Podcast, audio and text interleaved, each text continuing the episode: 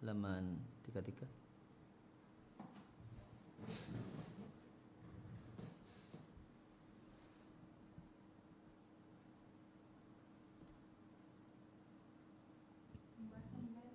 Uh -uh. Hmm?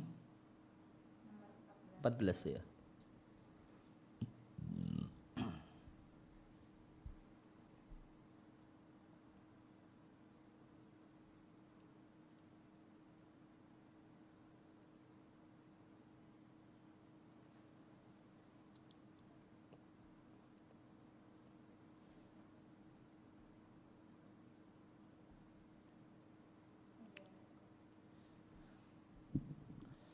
Alhamdulillah wassalatu wassalamu ala rasulillah wa ala alihi wa sahbihi wa man tabi'ahum bi ihsanin ila yaumidin amma ba'd. Kaum muslimin dan muslimah rahimani wa rahimakumullah. Kembali kita lanjutkan bahasan tentang adab ya, berbicara dan ngobrol dari buku Akhta'un fi Adabil Muhadasah wal Mujalasah kita sampai pada adab, adab yang ke-14, tentu di antara adab yang baik dalam berbicara adalah tidak berkata-kata yang menunjukkan kesombongan. Oleh karena itu di antara sikap yang keliru dalam berbicara dan ketika ngobrol dengan kawan dan yang lainnya adalah at-ta'ali ala sami'in dalam merasa lebih tinggi dibandingkan para audien. Maka di antara manusia ada orang yang jika dia ngobrol dan menyampaikan kepada banyak orang ta'ala alaihim. Dia merasa lebih tinggi dibandingkan mereka. Bahkan mengejek mereka. Bahkan dia menunjukkan meskipun dengan Peter Fin Khafi meskipun dengan uh, secara tidak uh, secara tidak jelas dengan samar dia menunjukkan dia mau memberitahukan bi sami'in bahasanya ya, para penyimak perkataannya la yauna tidak faham perkataannya. Dan tidak memahami marami-mihi tujuan perkataannya. Bahkan terkadang dia julurkan lidah. Maksudnya dia berbicara dengan bahasa-bahasa yang tidak ya, tidak dipahami pakai istilah-istilah asing ya, pakai sasi-sasi atau yang lainnya dalam bahasa Indonesia yang itu tidak dikenal dan tidak familiar di hadapan audien. Dia masukkan kata-kata yang istilah-istilah asing tadi di tengah-tengah perkataannya bila da'in lidhalika tanpa ada faktor pendorong untuk itu. Namun hanyalah dia katakan, ya, dia ucapkan perkataan yang asing tadi, liyatarafa'a ala sami'in. Ya, supaya dia terlihat lebih tinggi ya, ala sami'in di hadapan para penyimak perkataannya. Supaya nampak keunggulan keunggulan dirinya dibandingkan mereka. Dan merasa lebih tinggi dibandingkan orang lain adalah bukti kebodohan dan tanda tidak sempurnanya akal. Wa ila jika tidak, karena orang yang mulia, orang yang berakal itu malah meninggikan kedudukan orang lain, memuliakan orang lain. Dan dia sendiri tidaklah meninggi-ninggikan dan sok tinggi dibandingkan orang lain. Halaman 34. Ibnu Muqaffa mengatakan tahafat fi majlisika ya, hati-hatilah dan jagalah di majelismu dan di dan jagalah perkataanmu. Jangan sampai mengandung muatan perkataan tatawul alal ashabi. Ya, merendahkan kawan. Tip nafsan ya hendaklah engkau happy ya, senang. Ya, engkau jiwamu merasa nyaman enjoy saja.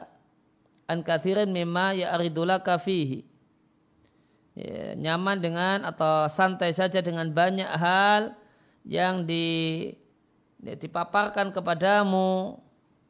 Dan ada namun apa yang dipaparkan itu fihi sawabul qawli wa ra'yi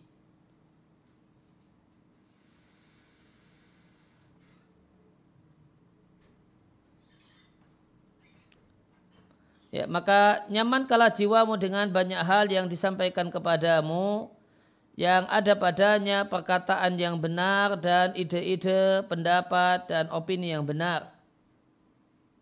Ya, maka respon pendapat-pendapat yang benar yang disampaikan oleh kawan duduk dengan uh, hati yang nyaman, hati yang senang, mudaratan dalam rangka mengambil hati mereka supaya kawan-kawanmu tidaklah menyangka bahasanya engkau memiliki kebiasaan atau tawul alihim merendahkan mereka. Maka ketika dalam ngobrol itu eh, kawan-kawan menyampaikan pendapat-pendapat yang bagus, bukan kita yang menyampaikan, ya, santai-santai saja, ya, tenang-tenang saja. Ya, jangan kemudian direspon dengan uh, sanggahan, bantahan. Oh, padahal sebenarnya itu pendapat yang benar. Namun sebagian orang meresponnya dengan membantahnya, menyanggahnya. Untuk menunjukkan kesan bahasanya dirinya lebih baik daripada orang lain. Syekh Abdurrahman Ibn Nasir As-Sa'di rahimahullah ta'ala mengatakan Wahdar waspadalah betul-betul waspada Jangan merendahkan orang yang ya, tujali suhu engkau duduk bersamanya. Min jami'i tabaqat.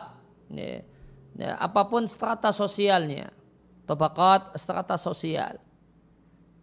Jadi dia pejabat ataukah kemudian orang biasa. Maka jangan rendahkan. Wastiraihi jangan rendahkan jangan rendahkan kawan duduk anda. Jangan ejek-ejek dia.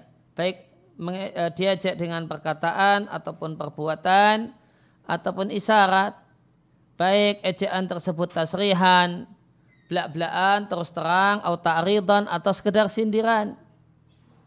Karena merendahkan kawan duduk ya, merendahkan kawan duduk itu memiliki tiga bahaya.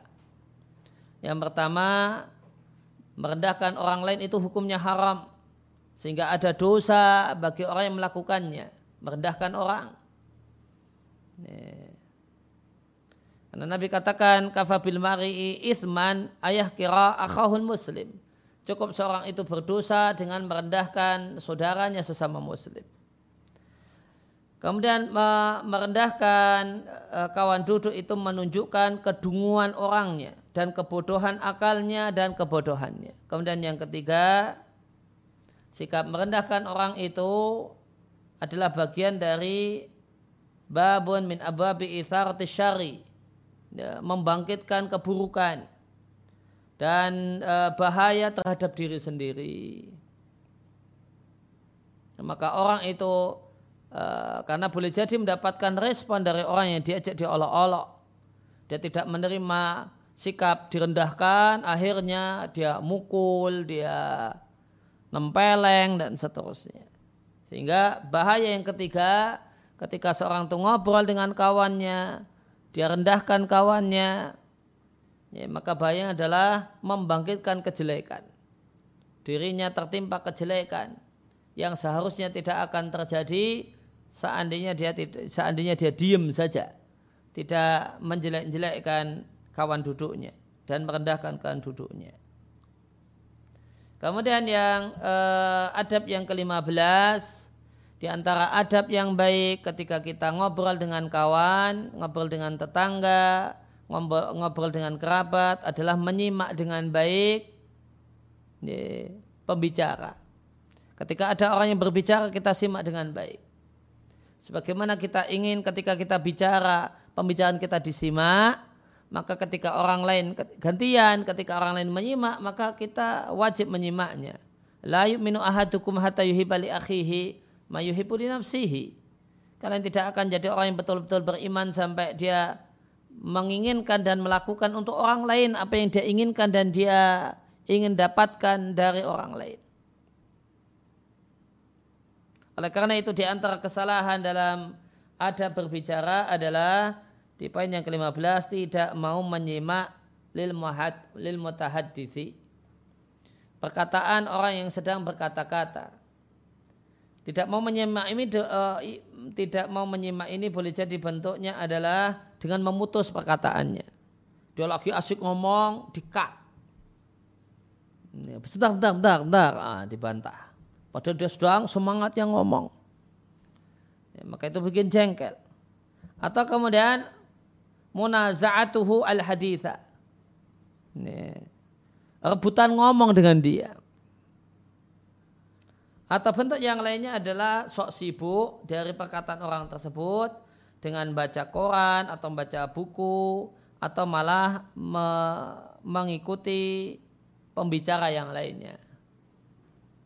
Ini, di sebelah ada yang ngobrol juga, ah, ini teman lagi ngobrol bukannya nyimak dia malah nyimak yang sana. Demikian juga di zaman medsos ini termasuk tidak memperhatikan adalah diajak ngobrol, diajak ngomong, malah asik mainan HP.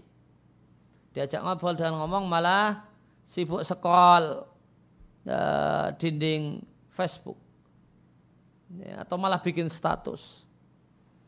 Ya, padahal diajak ngomong oleh kawannya atau bahkan oleh orang yang wajib dia hormati. Ini sikap yang buruk.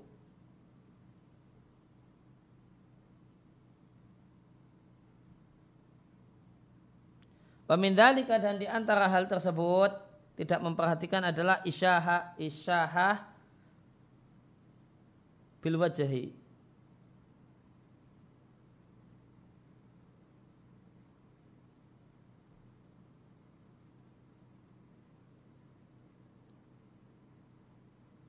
Isaha bil wajahi artinya berpaling, cuek, fil abusin dalam keadaan muka masam. Ya, cuek bermuka masam anil mutahadisi dan cuek tidak memperhatikan orang yang sedang berbicara atau ijalatun nadar anhu atau memutar pandangan meninggalkan orang yang sedang berbicara ke kanan dan ke kiri. Ini ada orang ngobrol di, ngomong di depan kita tidak diperhatikan malah nengok ke kanan, tengok ke kiri. Nah, ini tidak ya, tidak mau mendengarkan orang yang sedang berbicara. Kuludhalika ini semua adalah tindakan yang bertolak belakang dengan adab ketika berbicara. Dan ini menunjukkan kilatil muru'ah. Tidak adanya muru'ah. Orang ini bukanlah orang yang punya kehormatan.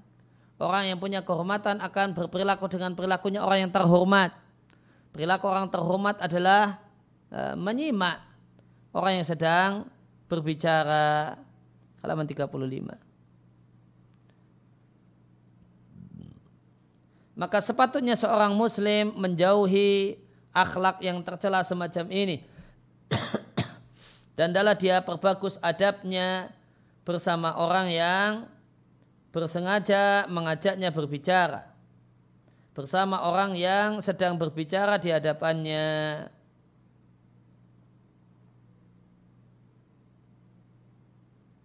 Maka di antara adabil muru'ah adab yang menyebabkan seorang itu menjadi orang yang terhormat adalah ya, mendengarkan dengan baik orang yang berbicara, ya, orang yang sedang berbicara minal ikhwan dari kawan-kawan kita sendiri.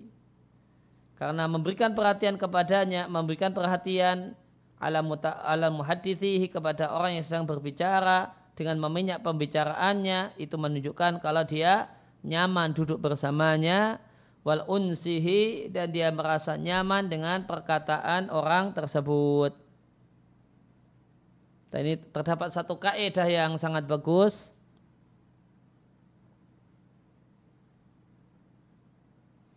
Bal innal mutahaddisal bari'ah wal mustami'ul bari'u. Orang yang pandai berbicara adalah orang yang pandai mendengarkan. Pembicara yang hebat adalah pendengar yang hebat. Siapa yang hebat ya, menjadi pendengar yang hebat, ah, dia layak untuk jadi pembicara yang hebat. Oleh karena itu fa'asinil istima'ah. Ya, maka jadilah pendengar yang baik. Wala tuqati' man tuhadithuhu. Jangan putus pembicaraan orang yang sedang berbicara bahkan motivasi dia untuk berbicara. Di antara cara memotivasinya adalah dengan ya, bihusni insatika, ya, dengan diam yang baik. Atau dengan respon-respon yang yang tepat. Oh, Masya Allah. Ya, akhirnya dia tambah semangat untuk cerita. Nah, kenapa kita memotivasi dia untuk berbicara? Ya, kai yukabiluka bil mithli. Supaya orang ini membalasmu dengan yang semisal. Nanti jika engkau berbicara, dia pun akan jadi penyimak yang baik. Karena kita telah berusaha menjadi penyimak yang baik ketika dia yang berbicara. Nah tadi disampaikan bahasanya pembicara yang baik, yang hebat adalah pendengar yang baik dan hebat. Gimana cara menjadi pendengar yang baik? Wabara'atul istima'i dan menjadi pendengar yang baik itu dengan empat cara. Siapa yang uh, memenuhi empat cara ini maka dialah pendengar yang baik. Yang pertama takunu bil uduni dengan telinga. Dengarkan baik-baik apa yang dia katakan. Kemudian yang kedua tarful aini, pandangan mata. Tatap orangnya. Jangan eh, melihat ke kanan, ke kiri, namun tatap matanya. Ini menunjukkan kalau tatap orangnya. Ini, kalau tidak karena dia punya wibawa, kita tidak kuasa untuk menatap wajahnya, ya tatap ya, bagian bawah dari wajahnya. Atau uh, ya, ya bukan wajahnya, namun orangnya. Kemudian yang ketiga adalah wahudurul qalbi. Kehadiran hati. Hati nggak jalan-jalan mikirkan yang lainnya. Namun hati fokus kepada perkataan orang itu. Kemudian yang keempat, isyraqatul wajahi, wajah yang ceria. Wajah yang berbinar-binar, yang ceria mendengar ceritanya. Mendengar dia ngomong cerita itu kita wajahnya berseri-seri, berbinar-binar. Artinya kita semangat sekali memperhatikan penyampaiannya. Ibnu Abbas radhiallahu anhu mengatakan li jalisi alayya thalathun. Kawan dudukku itu punya tiga hak. Ini kata Ibnu Abbas, kawan duduk kita itu punya tiga hak. Yang pertama, ya, ar, an armiyahu bitarfi kupandangan kupandangi dia dengan pandangan mataku ida akbala ketika dia datang ketika dia datang kita sambut dengan memandanginya. Kemudian setelah tiba an wasi alahu fil majlisi ida jalasa. Aku lapangkan tempat duduk untuknya ketika dia mau duduk. Kita geser-geser supaya dia bisa dapat tempat.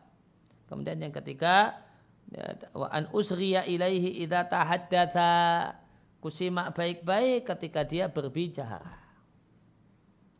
Kemudian ada sahabat Nabi yang lainnya Amr ibn al-As radhiallahu anhu beliau mengatakan salah satu la amalluhum ada tiga orang yang aku tidak akan buat dia bosan. Ya, maka aku tidak akan membuat tiga orang ini bosan. Yang pertama jali si kawan dudukku. Ma fahima minni yang faham perkataan dan maksudku. Kemudian yang kedua adalah pakaianku yang menutupi auratku. Kemudian hewan tungganganku yang mahamalat rijli yang membawa kakiku sehingga bisa pergi ke mana dan ke mana. Kemudian Said ibn al-As mengatakan, Li jalisi alayya thalathun. Kawan dudukku itu punya tiga hak. Kawan ngobrolku, kawan ngeteh, kawan ngopiku, itu punya tiga hak. Ida akbala wasa'tu lahu. Jika dia datang, ku, lapangkan tempat duduk untuknya. Wa idha jalasa dan jika dia telah duduk, akbal tu ilahi. Ku berikan wajahku kepadanya, ku tatap dia. Kemudian yang ketiga wa idza haddasa sami'tu minhu. Jika dia ngomong maka aku mendengarkannya. Sebagaimana nasihat Al Hasan Al Basri di halaman 36 sebagaimana nasihat Hasan Al Basri rahimallahu taala Idza jalasta fakun ala antasma'a ahras minka ala antakula. Jika engkau duduk bersama kawan, hendaknya engkau lebih semangat untuk jadi pendengar daripada bersemangat untuk menjadi pembicara. Ya, ketika duduk dengan kawan, ketemu orang, maka kedepankan semangat untuk untuk menjadi pendengar daripada menjadi pembicara yang menguasai jalannya obrolan. Kemudian ta'allam husnal istima'i kama ta'allamu husnal qawli. Belajarlah menjadi pendengar yang baik sebagaimana engkau belajar berkata-kata yang baik. Untuk berkata-kata yang baik perlu belajar. Kadang kita salah, kadang kita keliru. Ditegur orang, dipotes orang maka jadi pendengar yang baik juga perlu belajar. Kemudian wala taqta ala ahadin hadithahu. Jangan putus pembicaraan siapa pun. Simak sampai selesai dia titik baru kita respon.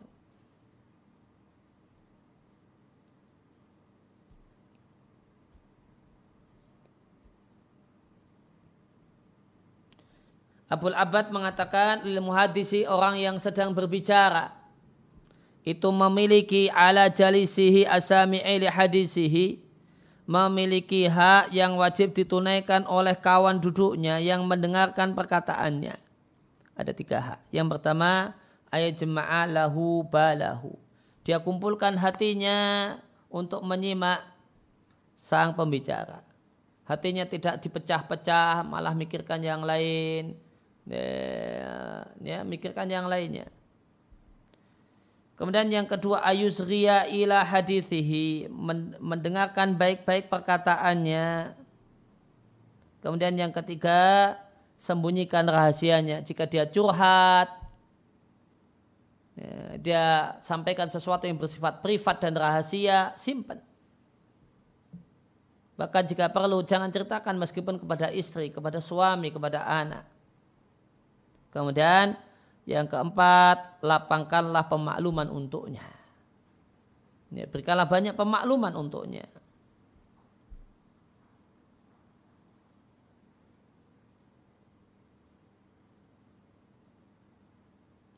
Zakara rajulun Abdul Malik bin Marwan. Ada seorang yang menasihati Abdullah bin Marwan dengan mengatakan,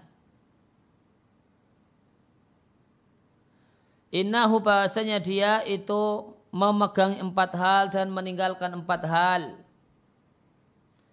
Akhidun dia memegangi empat hal. Yang pertama, ahsan al hadisi idah haddatha. Perkataan yang paling baik ketika dia ngomong. Yang kedua, ahsan al istima'i idah hudditha. Menjadi pendengar yang terbaik ketika diajak ngomong. Wa bi asanil bashari idha uluqiyah memberikan wajah ceria terindah ketika dijumpai dan ditemui oleh orang.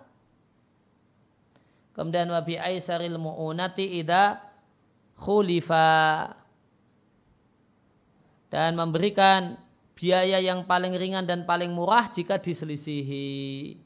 Jika kawannya menyelisihinya, maka dia tidak menuntut biaya mahal untuk menyelisihi uh, sikap kawan yang menyelisihinya. Namun dia berikan dia yang murah dengan apa? Dengan dia enjoy santai. Oh ya tidak apa-apa. Perkataan saya kan perkataan manusia bukan perkataan Nabi. Dibantah juga boleh. Disanggah tidak masalah.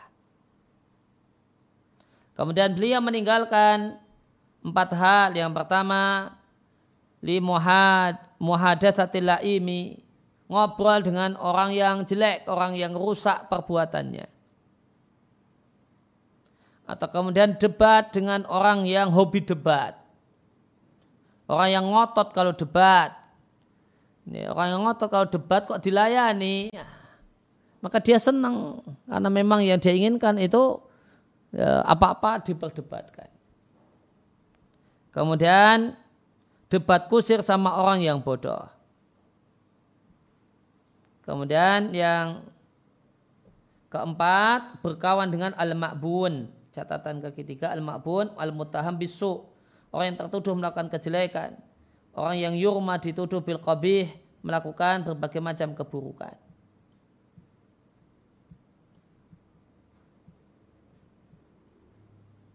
Asyabi menyebutkan sekelompok orang.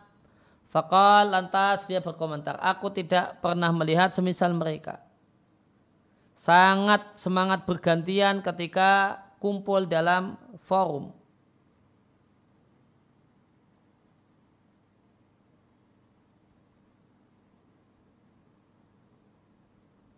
Asada tanawuban, kemudian asana fahman. Sangat bagus pemahamannya min muhadisin dari orang yang terhadap orang yang sedang menyampaikan. Maka dia sim, simak baik-baik sehingga sangat-sangat faham apa yang disampaikan. Kemudian di antara sikap yang buruk dalam uh, ketika ngobrol ya, dengan kawan dan yang lainnya yang ke-16 adalah meremehkan perkataan orang yang sedang berbicara. Maka di antara manusia ada orang yang jika dia mendengar orang yang berbicara ya hada, ya tahadasu menyampaikan pembicaraan di satu majelis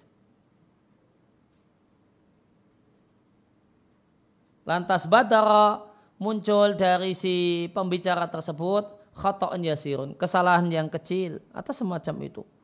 Maka gara-gara kesalahan ngomong yang kecil maka langsung safahahu dia bodoh-bodohkan bakat tahu dia celah habis-habisan.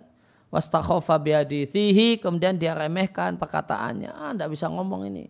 Kayak gini saja salah, apalagi nanti. Salah semua nanti yang dia omongkan. Misalnya demikian.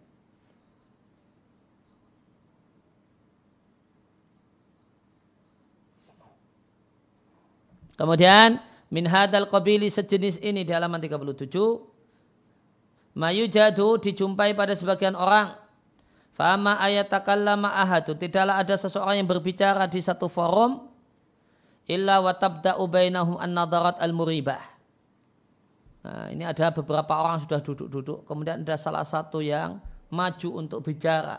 Maka orang yang duduk-duduk ini mulailah di antara mereka pandangan-pandangan yang mencurigakan. Nah, maka saling memandang satu dengan yang lainnya yang maknanya ah ini pembicaranya tidak mutu ini. Pandangannya maknanya demikian.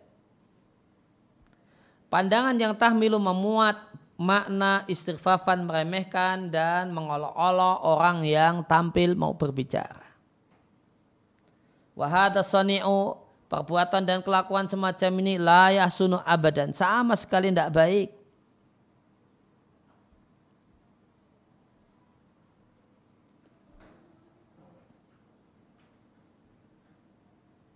Dan bukanlah bagian dari sifat orang-orang yang mulia dan orang-orang yang besar.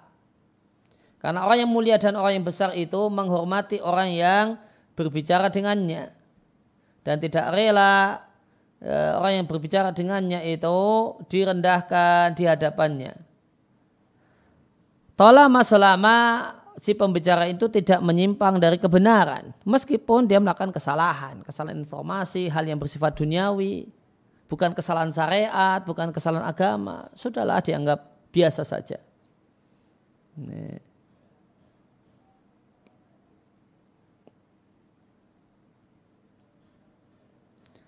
Fa'inam yatakhaduna kalau kesalahan itu kesalahan bukan maksiat, ya kesalahan informasi atau komentar, maka mereka ya, pura-pura tutup mata dari kesalahannya, pura-pura buta dari ketergelincirannya. Namun jika masalahnya masalah besar, ah, mereka jelaskan kesalahan. Mereka berikan bimbingan dan arahan kepada yang benar dengan ungkapan yang paling indah dan isyarat yang paling lembut. Ibnu Hibban rahimahullah ta'ala mengatakan membawa sanatnya dari Mu'ad ibn Sa'ad al-A'war. Dia mengatakan, saya duduk di dekat atau bersama Atta bin Abi Robah. Fahadasa rajulun bihadisin. Lantas tiba-tiba uh, ada seorang yang menyampaikan hadis di acara duduk-duduk tersebut. Maka salah satu dari orang yang hadir itu memberikan sanggahan. Atau memberikan fa'arada fi hadisihi. Menghalangi perkataannya. Udah, udah, udah, saya udah dengar itu gini, gini, gini, gini, gitu. Menghalangi perkataannya. Apa yang terjadi, apa yang dilakukan oleh uh, Mu'ad bin apa uh, Atta bin Abi Robah qal faghadiba. Atta marah kepada orang yang menyanggah ya, orang tadi. Atau mengatakan mahadi tibau. Karakter seperti apa ini? Sungguh aku telah mendengarkan hadis ini. Sungguh aku mendengarkan mendengarkan perkataan orang yang sedang berbicara padahal aku tahu isi pembicaraannya.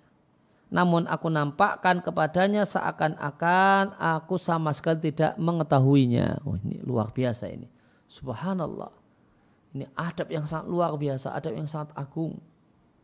Yang dicontohkan oleh Atta bin Abi Robah. Seorang ulama tabi'in. Beliau katakan, aku tahu hadis yang dikatakan oleh orang ini Bahkan sebelum dia lahir aku sudah dengar. Dan ketika dia ngomong, aku nampakkan kepadanya seakan-akan aku baru pertama kali mendapatkan hadis itu dari dirinya. Maka aku nampakkan padanya seakan-akan aku tidak bisa apa-apa. Aku itu bodoh atau kubleng dan baru tahu dengan perkataannya.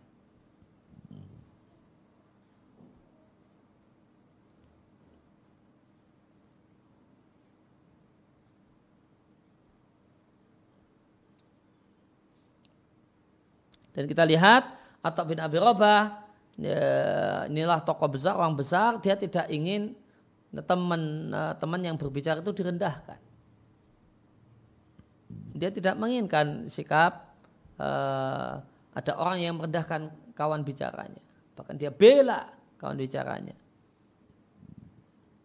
Ya demikian uh, ya kurang lebih yang kita bahas kesempatan kali ini wasallallahu ala nabiyina Muhammadin wa ala alihi wasallam wa qada'ana alhamdulillahirabbil alamin